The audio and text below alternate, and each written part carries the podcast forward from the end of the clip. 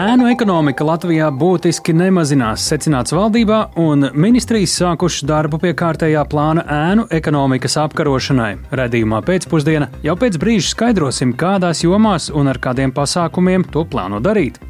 Bet pasaules ekonomikas tendences un Krievijas sāktā kara ietekme šajās dienās tiek apspriestas Startautiskā valūtas fonda un Pasaules bankas sanāksmē. Redījumā sazināsimies ar mūsu korespondentu Vašingtonā. Rīgas Startautiskais kinofestivāls festivāls radījis jaunu izglītības platformu, mājaslapu, kinoklubs. Latvijas kino profesionāļi, kuri stāsta šajās video nodarbībās par um, savu arodu lomu filmu tapšanā. Arī par to tūdaļ ziņu raidījumā pēcpusdienā kopā ar mani Tāli Eipuru.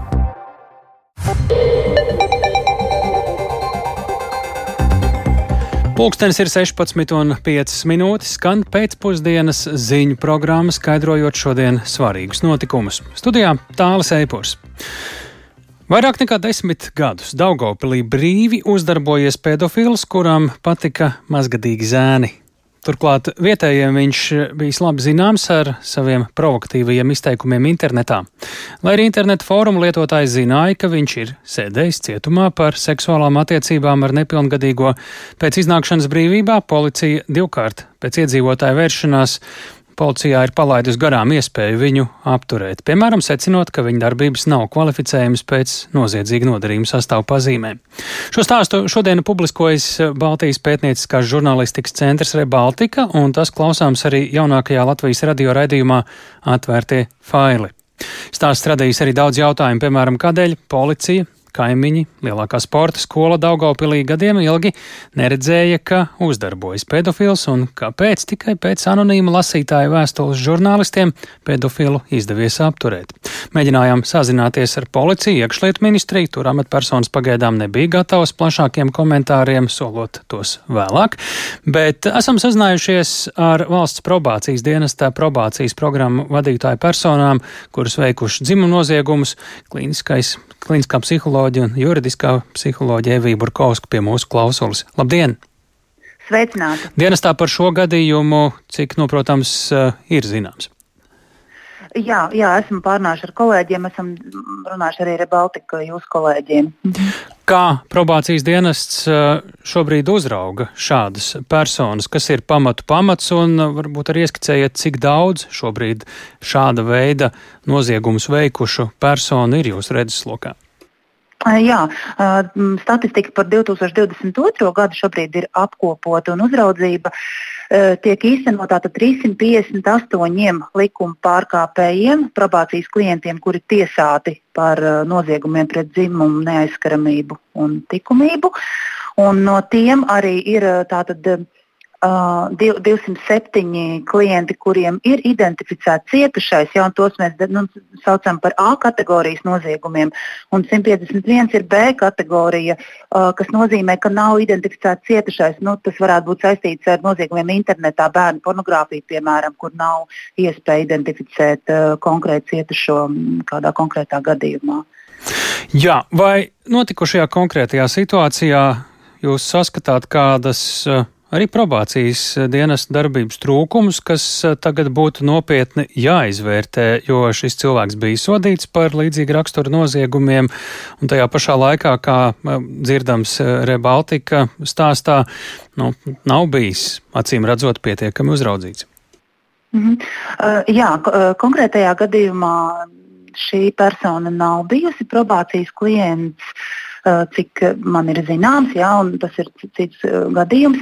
Savukārt probācijas dienestā eh, papildus sots kā probācijas uzraudzība tieši personām, kuras tiesāts par dzimumnoziegumiem, tiek piemērots, un šis tiesiskais regulējums ir izstrādāts kopš 2011. gada rudens, kopš 1. oktobra, tātad tiem, kuri ir notiesāti sākot no šī brīža, minētā 11. gada, un kopš tā laika probācijas dienests papildu sodu um, arī īsteno.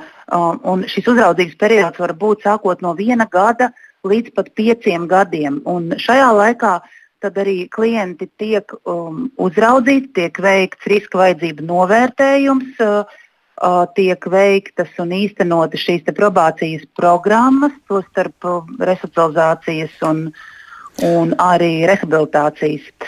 Jā, nu mēs jā. šeit sākumā tieši minējām šos gadus, vairāk nekā jā. desmit gadus Daugavpilī šis cilvēks jā. ir uzdarbojies, jā. un nu, te jums ir piecu gadu termiņus mēs dzirdam. Tas nozīmē, mm. ka cilvēki ar šādu veidu domāšanu ja tā ir ilgstoša, ir ārpus jūsu juridiskā redzes loka. Un, kā redzējām, arī policija nesaskatīja šeit sava darba lauku. Vai jūs redzat lietas, kas būtu jālabo? Vai nu likumos, regulējumā vai darbībā konkrētajā praksē, lai šādi gadījumi būtu pēc iespējas mazāk? Mm.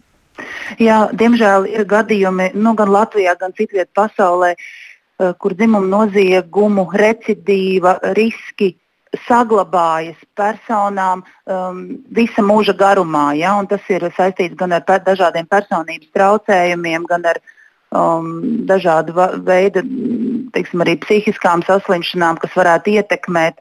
Un, uh, diemžēl jā, ir tādi gadījumi, un šis recidīvs uh, um, sa, ir iespējams, ir iespējams, bet probācijas dienesta uzraudzībā klients ir noteiktu laiku. Un, um, tas ir tiesas uh, pienākums. Tas ir likumā. Tiesas, Bet pēc būtības, jā. jūs kā speciālisti, kā jūs redzat jā. Uh, šeit, uh, kas būtu secināms no šī gadījuma un varbūt par ko, bū, ko darām būtu jādomā šobrīd? Jā, būtu, būtu svarīga uh, šī sabiedrības arī vērība, iesaistīšanās Uh, um, tāda arī uzņēmība ziņot arī tad, ja ir kaut mazākās aizdomas, arī vecāku tāda proaktīva rīcība, arī bērnu. Tāda bija šajā gadījumā. Jā, diemžēl kādā, um, kāds no šiem, nu, jāsaka, ķēdes posmiem nebija pietiekami efektīvs. Ja? Arī šī bērnu vecāku sarunas ar bērniem, arī skolā pedagoģu sarunas ja, par šiem drošiem pieskārieniem. Pat iesniegums policijā. Jā, jā. Diemžēl, diemžēl, jā, diemžēl ir šie gadījumi, kas paliek. Mm, nav šeit laikam vienas atbildes, kur ir dažādi faktori. Uh, Vai jūs turpināsiet izvērtēt jā. pēdējais jautājums pavisam jā. īsi, lai jā. atrastu kaut kādus risinājumus šādām situācijām? Uh, vēlreiz lūdzu. Vai jūs turpināsiet, esat gatavi turpināt Uh, šo gadījumu, uz šī gadījuma pamata tomēr kādas izmaiņas inicijēt vai pārdomāt? Jā, mūsu speciālistu kopa, ja mēs, nemit, nu, mēs nemitīgi pilnveidojam un attīstam un strādājam, lai meklētu šos risinājumus uh, maksimāli efektīvi darbotos un arī pēctecību. Ja, tātad pēc uh, uzraudzības beigām, noslēguma, lai šis klients apmeklētu psihoterapeitu, vai viņam ir šādas iespējas, vai viņš mm. starpinstitūciju sanāksmju laikā, ja mēs dodam ziņu Labi. arī šī policijai mm. un pārējiem bāriem tiesai to starp. Lielas paldies Evijai Burkauskai, klīniskajai juridiskajai psiholoģijai, valsts probācijas dienas probācijas programmu vadītājai, personām, kuras veikuši dzimumu noziegumus. Mēs Latvijas radio šeit noteikti turpināsim sekot līdz šim tematam, taujāt pēc atbildīgo dienestu un amatpersonu reakcijas un arī darbībām, lai šādi gadījumi būtu pēc iespējas mazāk un neatkārtotos. Bet nu par kādu citu, nevienmēr viegli pamanāmu tematu - ēnu ekonomiku un par to, kā to mazināt. Plānu, kas darāms nelegālās naudas aprits mazināšanai līdz 2025. gadam, sākušas gatavot ministriju darba grupas. Un zināms, ka līdz jau šīs vasaras sākumam būs jānosaka konkrēti sasniedzami mērķi naudas nelegālās aprites mazināšanai. Un, lai šāds plāns nebūtu tikai formalitāte, tā tapšanā ir svarīgi balstīties tiešām arī uz reāliem datiem, un tie, diemžēl, liecina, ka pašlaik par būtisku ēnu ekonomikas mazināšanos Latvijā runāt nevar, un par šo vairāk gatavs pastāstīt Jānis Kīns. Lūdzu. Sveiks, tās veicināt klausītāji. Jā, valdība marta beigās uzdeva izstrādāt šo ēnu ekonomikas ierobežošanas plānu laika posmam līdz 2025. gadam. Un šajā nedēļā uz pirmajām sēdēm sanāk Finanšu ministrijas veidotās darba grupas. To viena no dalībniecēm ir Finanšu ministrijas nodokļu administrēšanas un sabiedrības interešu politiku departamenta direktore Olga Bogdānova. Viņa sola, ka darba grupu veikums būs radošs un balstots, balstīts nozaru ēnu ekonomikas problēmu apkopojumā. Par konkrētiem sasniedzamiem mērķiem ministrijas pārstāv gan vēl nerunā, jo šis ir tikai procesa sākums. Taču Olga Bogdānova ieskicē Finanšu ministrijā veidot to darba grupu uzdevumus. jo labāk mums ir informācijas apmaiņa, jo ar mazāk administratīvi noslogošām darbībām mēs varam nu, saprast, kur tad būtu arī risinājumi meklējumi varbūt kaut kādos eh, ēnu ekonomikas saistītajos procesos. Otrā darba grupa ir saistīta ar uh, nozari vairumtirdzniecība, mazumtirdzniecība, ar akcentu uz skaidrs naudas mazināšanas pasākumiem. Aplūkšņa algas ir tāds ļoti plašs jēdziens. Šī darba grupa vairāk pastīsies, nu, piemēram, no kurienes vispār tā skaidra nauda rodas un kāpēc. Jā, protams, jo vairāk transakciju notiek bezskaidras naudas formām, nu, jo mazāk ir arī ēnu ekonomika, jā, bet, nu, protams, ir jāsaprot, kas ir tā robeža, jo absolūti izslēgt skaidru naudu arī nav pareizi, lai gan kazas veselas, gan vilki pēduši. Papildus veselības ministrijā no nākamās nedēļas darba grupa sagatavos priekšlikums ēnu ekonomikas mazināšanai veselības aprūpas jomā, bet ekonomikas ministrijā par vienu no zināmākajām ēnu ekonomikas problēmu nozarēm būvniecību. Darba grupās būs iesaistīti nozaru un iestāžu pārstāvji, kā arī no nevalstiskā sektora. To, kādi ir ēnu ekonomikas dati par aizvadīto gadu, pagaidām vēl nezinām. Ikgadējo ēnu ekonomikas pētījumu prezentēs 31. maijā. Pētījuma vadītājs Rīgas ekonomikas augstskolas profesors Arnis Sauka sarunā Latvijas radio atsaucas uz datiem par 2021. gadu, kad ēnu ekonomika Latvijā pieauga līdz 26,6% no iekšzemes koprodukta un kopējie zaudētie nodokļu ieņēmumi no ēnu, ēnu ekonomikas kas Latvijā pārsniedz 2,7 miljardus eiro. Jāpiebilst, ka līdzīgas tendences ir arī pārējās Baltijas valstīs, bet rādītāji tur ir zemāki. Taču runājot par 2022. gadu, būtiski uzlabojumi diez vai gaidāmi.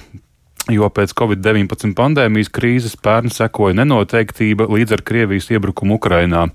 Un, ņemot vērā sarežģītos apstākļus, ēnu ekonomikas mazināšanas plāns nedrīkstētu palikt formalitāte, un tam iespējami plaši jābalstās pieejamos datos un starpnozaru redzējumā. Tālāk pēc saukas domām apsveicam ir iecer vienā no darba grupām meklēt veidus vieglākai pieejamo datu piekļuvai, piekļuvēji analizēšanai, izmantošanai. Un vienlaikus ēnu ekonomikas nostiprināšanās riskus varētu veicināt arī dažādi politiķu vēstījumi un izskanējušo viedokļi, piemēram, par pensionēšanās vecumu un nodokļu turpmāku paaugstināšanu. Par to brīdina profesors, profesors Arnis Sauka pie šī konteksta, kāds tas ir, un pie liela sēna ekonomikas apjoma, nu, būtu diezgan jābūt, nu, es nebaidīšos teikt, neapdāvinātam vai neizglītotam, lai uzskatītu, ka pie šāda konteksta ceļot nodokļus nepalielināsies reāli ienākumi, drīzāk ēna ekonomika palielināsies, ja, un, un no tā valstī nebūs labāk, un, un tieši otrādi vairāk cilvēki aizies uh, ēnā. Ēnu ekonomikas ierobežošanas plāna priekšlikumu izstrādāšanai laika gan nav daudz. Jau māja beigās tos jāiesniedz apkopošanai Finanšu ministrijā, un tā plānu skatīšanai valdībā sagatavos līdz jūlija beigām. Tālāk. Paldies, Jānis Kīns, tik tālu par ēnu ekonomiku un plānu to apkarot. Turpinot par ekonomiku, Latvijā nedaudz, bet samazinājies bezdarbs. Marta beigās tas bija 6,1% no ekonomiski aktīvo iedzīvotāju skaita, un tas ir par 0,2% punktiem mazāk nekā mēnesi iepriekš. Zemākais bezdarba līmenis martā bija Rīgas reģionā, augstākais Latgalē, tomēr arī tur tas neatlaidīgi pazeminās. Situāciju, jo īpaši Latgalē skaidro kolēģi Zana Eniņa. Marta beigās nodarbinātības valsts aģentūrā bija reģistrēti kopumā gandrīz 54 tūkstoši bezdarbnieku, un tas ir par nepilniem 2 tūkstošiem mazāk nekā mēnesi iepriekš. Zemākais bezdarba līmenis marta beigās joprojām bija Rīgas reģionā - 4,5% no ekonomiski aktīvo iedzīvotāju kopuma, un tas ir par 0,1% punktu mazāk nekā februārī. Ko tas nozīmē darba meklētājiem, stāsta Latvijas Brīvo arotbiedrību savienības priekšsēdētājs Egils Baldzēns. Patreiz, protams, ir situācija tāda, ka cilvēkam šobrīd ir iespēja atrast vieglāk darbu nekā tas ir bijis kādā smagākā brīdī, piemēram, Covid krīzes laikā vai iepriekšējā finansu un ekonomikas krīzē, kas bija 2008. un 2009. gads. Tā ir situācija patiesībā, bet galvenais jau nav tikai atrast darbu, bet no atrast darbu, kas būtu piemērots cilvēku kvalifikācijai, iepriekšējai profesionālai pieredzē, iespējams arī kaut ko pārkvalificējot un tam līdzīgi. Salīdzinoši zems ir arī bezdarba līmenis vidzemē, kurzemē un zemgalē - no 6,3 līdz 6,6%, un tam ir tendence nedaudz samazināties. Pēc Egīla Baldzēna domām tas saistīts ar ekonomiskās situācijas pakāpenisku uzlabošanos. Zināmā mērā no Ukrainas kara ietekmes pakāpeniski uzņēmē darbība attopās, jo nedaudz normalizējās visas tās pārautās ķēdes, tiek atrasti jauni loģistikas maršruti. Stipri atšķirīga ir situācija Latgalē, kur bezdarba līmenis ir 12,7%, un tas ir gandrīz trīsreiz vairāk nekā Rīgā. Taču arī tur ir kritums par 0,3% punktiem pret februāri. Tuvojoties vasarai, bezdarba samazināšanās ir ierasta un ikgadēja parādība, skaidro nodarbinātības valsts aģentūras Rēzeknas filiāles vadītāja Ināra Dutsaliete. Sezonālie darbi ir arī citās valstīs un, protams, pie mums, un arī zemnieki ir sarosījušies, kuri piedāvā darbu. Tāpat ir atsākušies darbi ceļu būvē, būvniecībā, ir um, ēdināšanas uzņēmumos, parādās arī ielu tirzniecība, kur ir nepieciešami papildus spēki. Tāpat arī turisma jomā, viesmīlības pakalpojumi. Pašlaik Latgalē vispieprasītākā profesija ir palīgstrādnieks. Vajadzīgi arī kravas auto vadītāji, viesmīļi, pavāri, pārdevēji, auto atslēdznieki un būvstrādnieki, pastāst nodarbinātības valsts aģentūras pārstāve. Darbiniekus Latgalē meklējot arī starpnieki uzņēmumiem Rīgā un tās apkaimē. Komentējot faktu, ka bezdarba līmenis Latvijā tomēr pakāpeniski mazinās un pašlaik atrodas pēdējo gadu zemākajā līmenī, vēl zemāks tas bija pērnvasar, Ināra Dutsalieta kā iemeslu min to, ka pastāvīgu darbu arvien biežāk atrod ilgstošie bezdarbnieki. Konkrēti par mūsu Rēzeknes filiāli var teikt, ka aizvadītajā gadā mums darbā ir iekārtojušies 499, nu, reiz, teiksim, 500 ilgstošie bezdarbnieki. Tātad, laikam jau sapratuši, ka debesis manna no gaisa nekritīs un jāsāk strādāt. Filiālē ikdienu varot piedāvāt līdz 300 vakancēm, tā ka vajagot tikai gribēt strādāt, pārliecība pauda vadītāja. Viņa arī novērojusi, ka mazinājusies interese par pastāvīgu darbu ārvalstīs. Tagad esot tendence, ka cilvēki vēlas noskaidrot, kā pareizi nokārtot dokumentus valstī, kurā strādā, lai varētu saņemt sociālās garantijas atgriežoties Latvijā. Zana Eniņa, Latvijas radio. Sociālajie jautājumi arī mūsu nākamā stāsta centrā. Francijas prezidents Emmanuels Makrons savu izteikumu dēļ par Ķīnu pēdējās dienās saskāries ar bargu kritiku no ārvalstīm, tomēr vēl lielāks galvas sāpes viņam turpina sagādāt arī pašmājās notiekošais. Proti, šodien Francijā gaidāmi kārtējie protesti pret pensiju sistēmas reformu. Uzmanība gan vairāk pievērsta uh, ne tik daudz protestiem, bet gaidāmajam konstitucionālās tiesas lēmumam. Tā lemj par reformas likumību. Plašāk par Francijā notiekošo stāsta Rihards Plūme. Pēc vairākas nedēļas ilgušās sabiedrības pretestības pensiju sistēmas reformai aptaujas liecina, ka vairākums francūžu joprojām iebilst pret pensionēšanās vecuma palielināšanu līdz 64 gadiem. Tādēļ streiki un protesti turpinās. Sagaidāms, ka šīs dienas laikā protestos Francijā pulcēsies 400 līdz 600 tūkstoši cilvēku. Tas gan ir krietni mazāk nekā 1,3 miljoni, kas izgāja ielās pagājušajā mēnesī. Ņemot vērā to, ka demonstrācijas reizēm pārvērtušās arī nekārtībās, Francijas drošības spēki nopietni gatavojušies sadursmēm.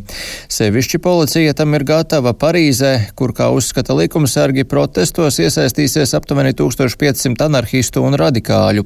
Vairāk Lielākās pilsētās protestētāji jau sacēluši nelielas barikādes, kas jau kļuvusi par ierastu rīcību šo demonstrāciju laikā. No rīta tika nobloķēta piekļuve naftas pārstrādes rūpnīcai pie Lionas, bet pie Parīzes tika nobloķēta atkritumu dedzinātava.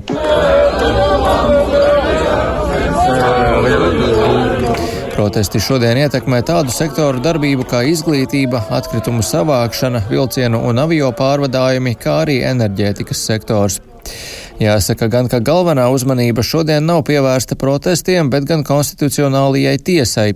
Tā piekdien pieņems lēmumu par pensiju sistēmas reformas atbilstību likumiem. Jāatgādina, ka protesti nedēļām ilgi noritēja mierīgi, bet 16. martā pārauga vardarbībā tieši tādēļ, ka valdība nolēma īstenot pensiju reformu bez apstiprināšanas parlamenta apakšpalātā. Iespējami ir trīs varianti. Proti, tiesa var reformu noteikt kā atbilstīgu, lemt, ka tā ir jāmaina, vai arī noraidīt tās atbilstību likumiem. Valdība neslēpj savu pārliecību, ka tiesa dos zaļo gaismu. Arī novērotāji vērš uzmanību, ka reformas noraidīšana ir maz ticama, jo kopš tiesas izveides 1958. gadā noraidīti vien 17 likumi, un tie bijuši maznozīmīgi. Bet, kā uzskata franču politikas pētniece Virģīnija Mārtina, šī varētu būt laba iespēja tiesai vērst situāciju par labu.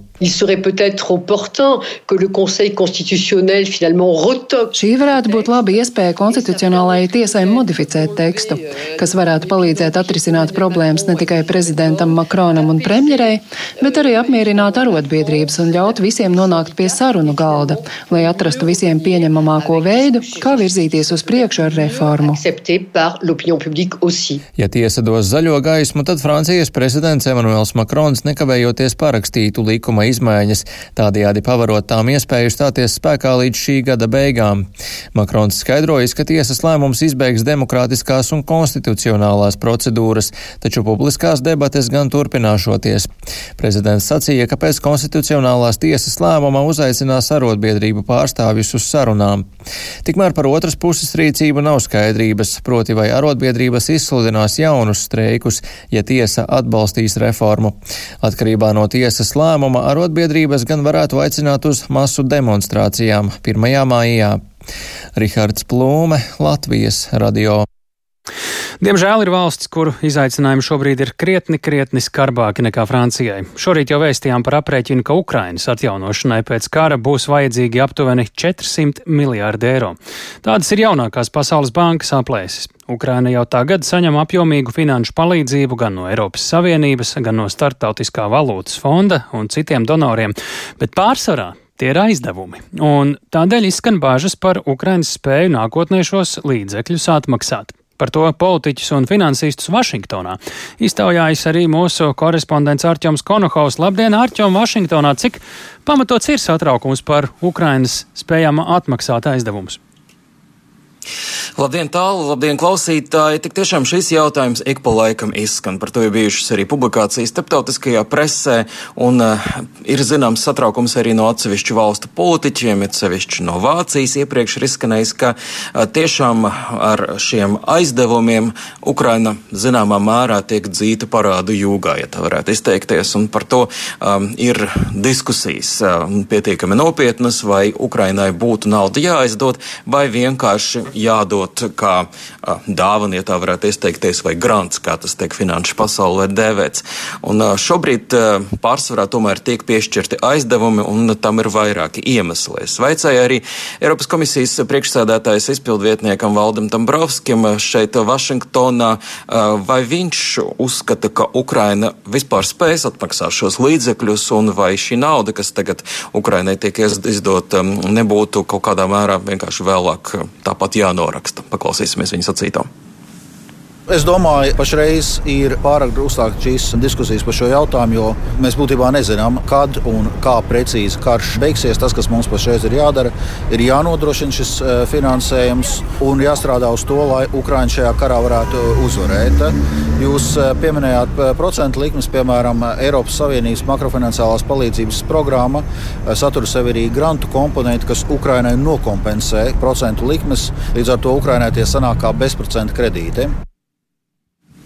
Tātad Eiropas Savienība oh, faktiski piešķir bezprocenta kredītus un uz pietiekami ilgāku laiku, bet nu, starptautiskajām valūtas fondiem, piemēram, ir uh, citi nosacījumi. Un viens no iemesliem, kādēļ tomēr tiek piešķirti aizdevumi, ārpus, protams, politiskajiem un zināmas uh, piesardzības, kas valda par šiem jautājumiem, ir, protams, arī tas, ka piešķirot uh, naudu kā aizdevumu, šo to var darīt starp starptautiskajām valūtas institūcijām un to šādā veidā šo pieejamo summu pavairot. Un šo mehānismu skaidroja Latvijas finanšu ministrs Arvils Ašarādins no jaunās vienotības, kas arī tagad atrodas uh, Vašingtonā. Un uh, trešdien viņš ir piedalījies apaļā galda diskusijā par Ukrainas finansēšanu un sacīja, ka faktiski viņš bija ļoti uh, pozitīvi pārsteigts par Ukrainas spēju stabilizēt situāciju.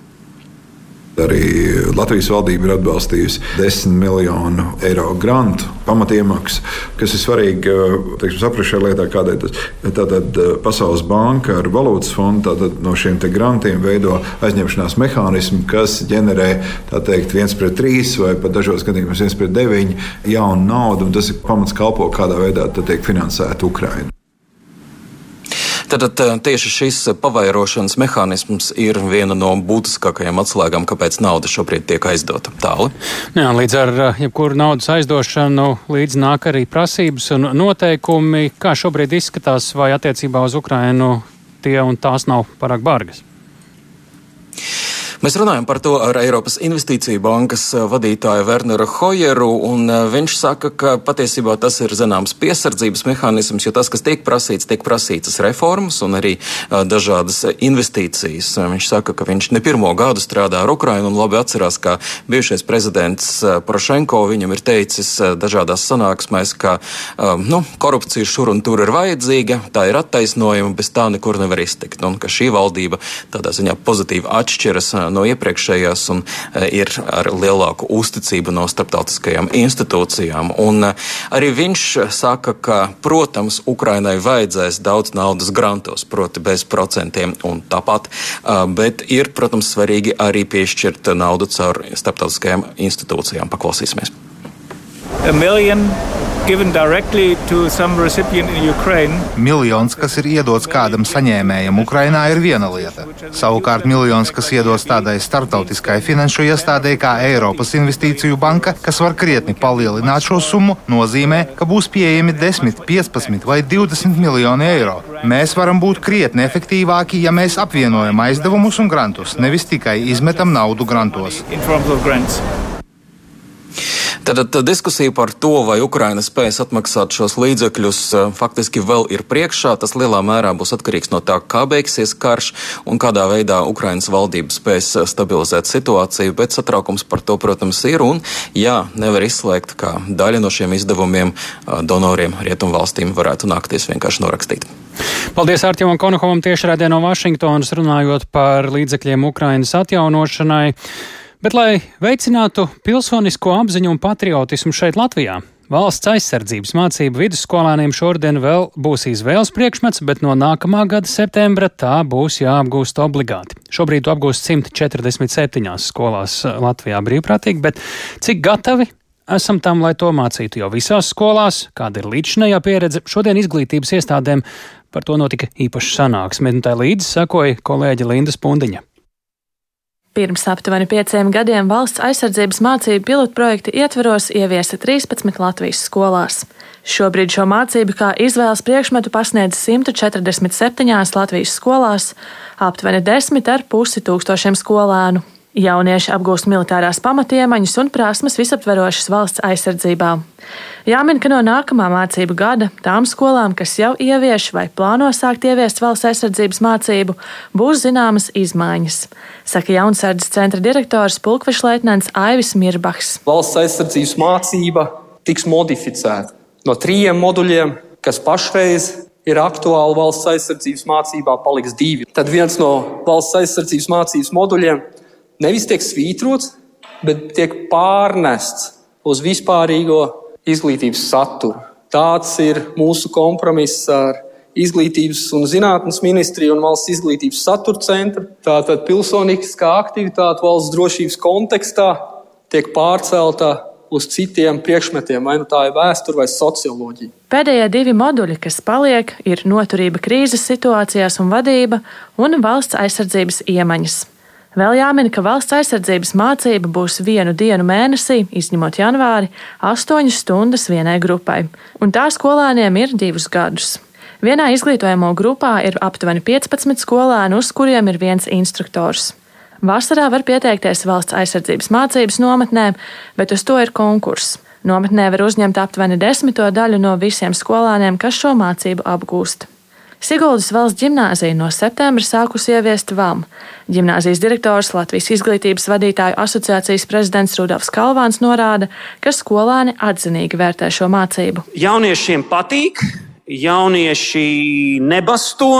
nemēģina tur kaut ko nomukt un, un izvairīties. Jā, viņi nav formā, viņi ir treniņu tērpos, džinsos un tā tālāk. Vāmā nav tātad militārās formas kā jaunsardzē. Kalvāns atklāja, ka Siguldas novads pieņēmis apsteidzošu lēmumu. Pašvaldībā visās četrās vidējās izglītības iestādēs no šī gada septembra valsts aizsardzības mācība būs obligāta desmitās klases skolēniem. Jā, protams, neslēpšu, ka mēs lobējām šo ideju provincē, nelielākā novadā, varbūt ne valsts pilsētā, to vieglāk izdarīt. Mēs esam kompaktāki, varbūt arī politiski kompaktāki. Mēs izdarām apsteidzošu taktisku gājienu, negaidām tagad to 24. Esam proaktīvi, apsteidzoši, nav te nekā tik katastrofāla. Jāatzīmē, ka no nākamā gada septembra valsts aizsardzības mācības priekšmeta apguve vidējās izglītības programmās būs obligāta. Linda Spundiņa, Latvijas radio. Bet nu par cita veida izglītošanās iespēju jauniešiem, lai viņos radītu lielāku interesi un zināšanas par to, kā top kino un darbojas kino industrija, Rīgas starptautiskais kinofestivāls kopā ar Norvēģijas kino klubu apvienību radījis jaunu izglītības platformu, mājaslapu Kinoklubs. Tā domāt jauniešiem un pedagogiem un plašāk par projektu, ko un kā tajā varēs apgūt Agnijas Lāsdiņas ierakstā. Rīgas starptautiskā kinofestivāla kinoklubs ir kino izglītības un mediju pratības tiešsaistes platforma, kas jauniešus iepazīstina ar kino veidošanā iesaistītajām profesijām un to lomu filmu tapšanā stāsta kinoklubs pārstāve Kristīne Simpsone. Ir pieejamas desmit video nodarbības, sagrupētas pa desmit tēmām. Katrā no šīm video nodarbībām, kas ir pieejams vienam skolotājam un skolānam ar e-klases vai platformas MyClub kontu, tad uh, tur ir dažādi Latvijas kino profesionāļi, kuri stāsta šajās video nodarbībās par uh, savu arodu lomu filmas tapšanā. Nodarbībās māca par animāciju, filmas režiju, scenārija veidošanu, scenogrāfiju, kostīmu mākslu, aktieru mākslu, skaņu, filmu, montāžu, operatora mākslu un producenta darbu. Savukārt starp lektoriem ir tādi profesionāļi kā kino režisore Alise Zariņa, animācijas filmu režisors Edmunds Jansons, aktrise Anta Aizupe, kostīmu māksliniece un scenogrāfe Berta Vilipsone un citi, turpina Simpsone. Mēs esam arī apkopojuši desmit Norvēģijas bērnu un jauniešu filmas. Norvēģijas, tāpēc, ka šis projekts ir um, partnerībā ar Norvēģijas kino klubu asociāciju. Platformā var atrast uh, katrai tēmai arī īpaši izveidotu darba lapu, ko mēs uh, izveidojām sadarbībā ar Rīgas kino muzeja izglītības ekspertiem. Viena no kino klubu lektorēm ir arī scenāriste, kino un teātra režisore Martēlīna Mārtiņsone. Viņa ir izveidojusi video nodarbību, lekciju ar padomiem, ko pati ir atklājusi strādājot ar scenārijiem. Kā uzsver Mārtiņsone, projekts ļauj gūt ieskatu, cik liels darbs ir ieguldīts pat visvienkāršākās filmas veidošanā. Šis ir liels, manuprāt, veids, kā gūt ieskatu dažādās kino profesijās, jo bieži vien ir tā, ka nu, mēs īsti nezinām, ko dara producents vai ko dara režisors, ja mēs neesam paši šajā kino vidē. Un, es teiktu, ka šīs lekcijas ir labs veids, kā saprast to, kas ir nepieciešams, ja tu vēlēsies, piemēram, kļūt par producentu, ja tu vēlēsies kļūt par skaņu režisoru, ja tu vēlēsies kļūt par uh, filmas mākslinieku. Platforma veidota tā, lai pedagoģi varētu nodarbīt vērtības integrēt mācību saturā. Platformas lietotāji, jaunieši to vērtē atzinīgi kā stāsta Reizeknes mākslas un dizaina vidusskolas trešā kursa skolniece Agnese Skangala, kinoklubs jau ir ieinteresējis lielāko daļu audzēkņu, jo mājaslapā ir iespēja padziļinātāk uzzināt par dažādām kino profesijām, filmām un citiem kino aspektiem. Man ļoti patika, jo um, man arī interesē tieši kino industrija, un es arī vēlētos saistīt savu turpmāko dzīvi tieši ar kino. Tāpēc man ļoti bija interesanti, un es arī daudz ko jaunu uzzināju uzzināju. Nākotnē projektu plānots attīstīt arī ārpus platformas, aicinot jauniešus izmantot mājaslapā iegūto informāciju, lai veidotu savus brīvprātīgos pulciņus jeb kino klubus, kuros jaunieši var diskutēt par filmām, jaunākajām kino tendencēm un daudz ko citu. Agnija Lazdiņa, Latvijas radio. Par kultūru arī turpinām. Par kultūru un vasaru.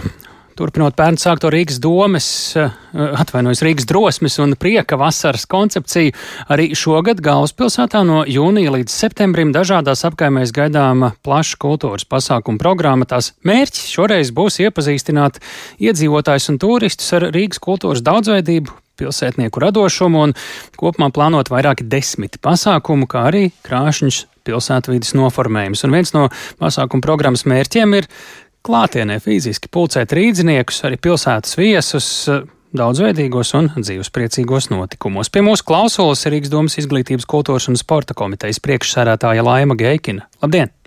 Labdien!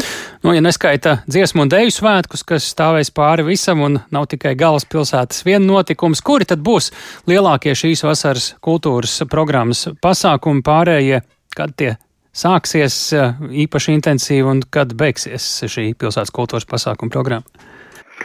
Nu, tieši tā kā jūs teicāt, Rīgas vasara ieskanēsies jau jūnijā un uh, noslēgsies uh, septembrī. Un, uh, tātad uh, 10. jūnijā ir plānoti uh, Vērmanas dārzā saldējuma festivāls kā tāds ģimenes dienas uh, pieskāriens. Un Jāņa svinības un Līgos svētki trīs dažādās apkaimēs, tātad Zeguškalnā, Grīziņkalnā un Mešparkā. Un, protams, kā viens liels notikums, jūs pieminētie dziesmu un dēļu svētki. Un tad pēc uh, dziesmu un dēļu svētkiem esam sarūpējuši Rīgas kultūras uh, programmu vasarai, kas ietver sevi uh, desmit Rīgas vasaras apkaimnes svētkus, divas parka programmas un, protams, arī Rīgas uh, dzimšanas dienas svinības. Un, um, kā jau jūs minējāt, tas pats galvenais mūsu mērķis un motīvs ir pirmkārt savest cilvēkus kopā, Otrām kārtām parādīt, cik mēs esam kā Rīga bagāti ar radošiem, interesantiem un dzīvespriecīgiem rīzniekiem. Un, protams, kopā svinēt mūsu Rīgas dzimšanas dienu. Tas pats galvenais uzsvars jau otro gadu pēc kārtas ir, ka mēs svinam ne tikai pilsētas centrā, bet mēs svinam arī pilsētas apkaimēs Tātad svētki atnāk pie katra rīznieka viņa pagalmā vistuvāk dzīves vietai. Un šogad tas uzsvars ir uz to, ka uh, svētku ietvaros esam ieplānojuši, ka tiks apzināti katras apkaimes uh, kultūra vēsturiskie uh, gan pieminekļi, gan mantojums, gan uh, izcilākās vietas, uh, ka mēs ne tikai svinam, bet arī vienlaicīgi mācāmies un iepazīstam Rīgu ar vien plašāk un dziļāk. Jā, tas nozīmē, ka līdzīgi kā iepriekšējā sezonā, tas uzsvars uz apkaimēm joprojām saglabājas, varbūt vēl lielāks kļūst? Uh, Patiesībā mēs paplašinām apkaimju programmas un uh, izvēršam uh, nu, arī uh, lokācijas. Tātad, ja pagājušajā gadā bija viena daļa apkaimē nokļuva tajā sarakstā, kuru mēs īstenojām pasākumus, tad tagad varbūt ir citas apkaimes, lai, lai pamazām to Rīgu apgūtu visā pilnībā. Bet jāsaka, Rīgas centrs arī uh, piedzīvos skaistus notikumus, un tā kulminācija, protams, būs šī Rīgas uh, dzimšanas dienas svinības 19. augustā Vecrīgā. Uh, kur būs sarūpēta daudzveidīga un laikmetīga kultūras programma. Un tā tad arī muzikāla kulminācija Doma laukumā, noslēgumā un ar starptautisku mākslinieku un pašmāju mākslinieku piedalīšanos. Un mēs esam patiešām mēģinājuši nolīdzsvarot to tradicionālo ar laikmetīgo. Laikmetīgam tiks veltīta arī Tātad papildus vēl programma, mm -hmm. kur tiks atbalstīti dažādi mūsdienīgi un inovatīvi formāti.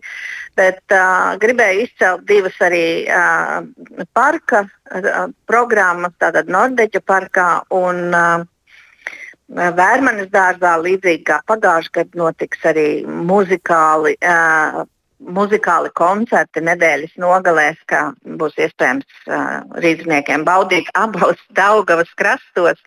Tātad piedzīvot uh, kultūras notikumus, kurus varbūt Jā. ikdienā mums neizdodas apmeklēt, bet nu, tā kultūra nāks tuvāk pie mums pašiem. 20 sekundēs atbildes uz pat diviem jautājumiem. Vai bez maksas un kur informācija? Informācija būs uh, atrodama gan uh, Rīgas domas mājaslapā, gan pārvaldes mājaslapā, gan arī īpaši informācijai uh, tiek pievērsta uzmanība, lai tā nonāktu līdz katram iedzīvotājam dažā, caur dažādiem kanāliem, bet, protams, būs arī īpaša mājaslapa, svētku mājaslapa, Rīgas vasaras svētku mājaslapa uh, internetā, kur būs pieejama pilnībā visa programma. Un droši vien, ka pilsētvidē arī. Liels paldies! To mēs Jā. sakām uh, Laimai Geikinai, Rīgas domas izglītības, kultūras un sporta komitejas priekšsārātājai. Šis bija raidījums pēcpusdienu. To veidoja Tāls Eipurs, Ilza Aginta, Renāts Šteimans, Mārtiņš Paiglis. Uh, Radījums pēcpusdienā arī rīt. Meklējiet to arī Latvijas radio mobilajā lietotnē dienas ziņās. Yeah.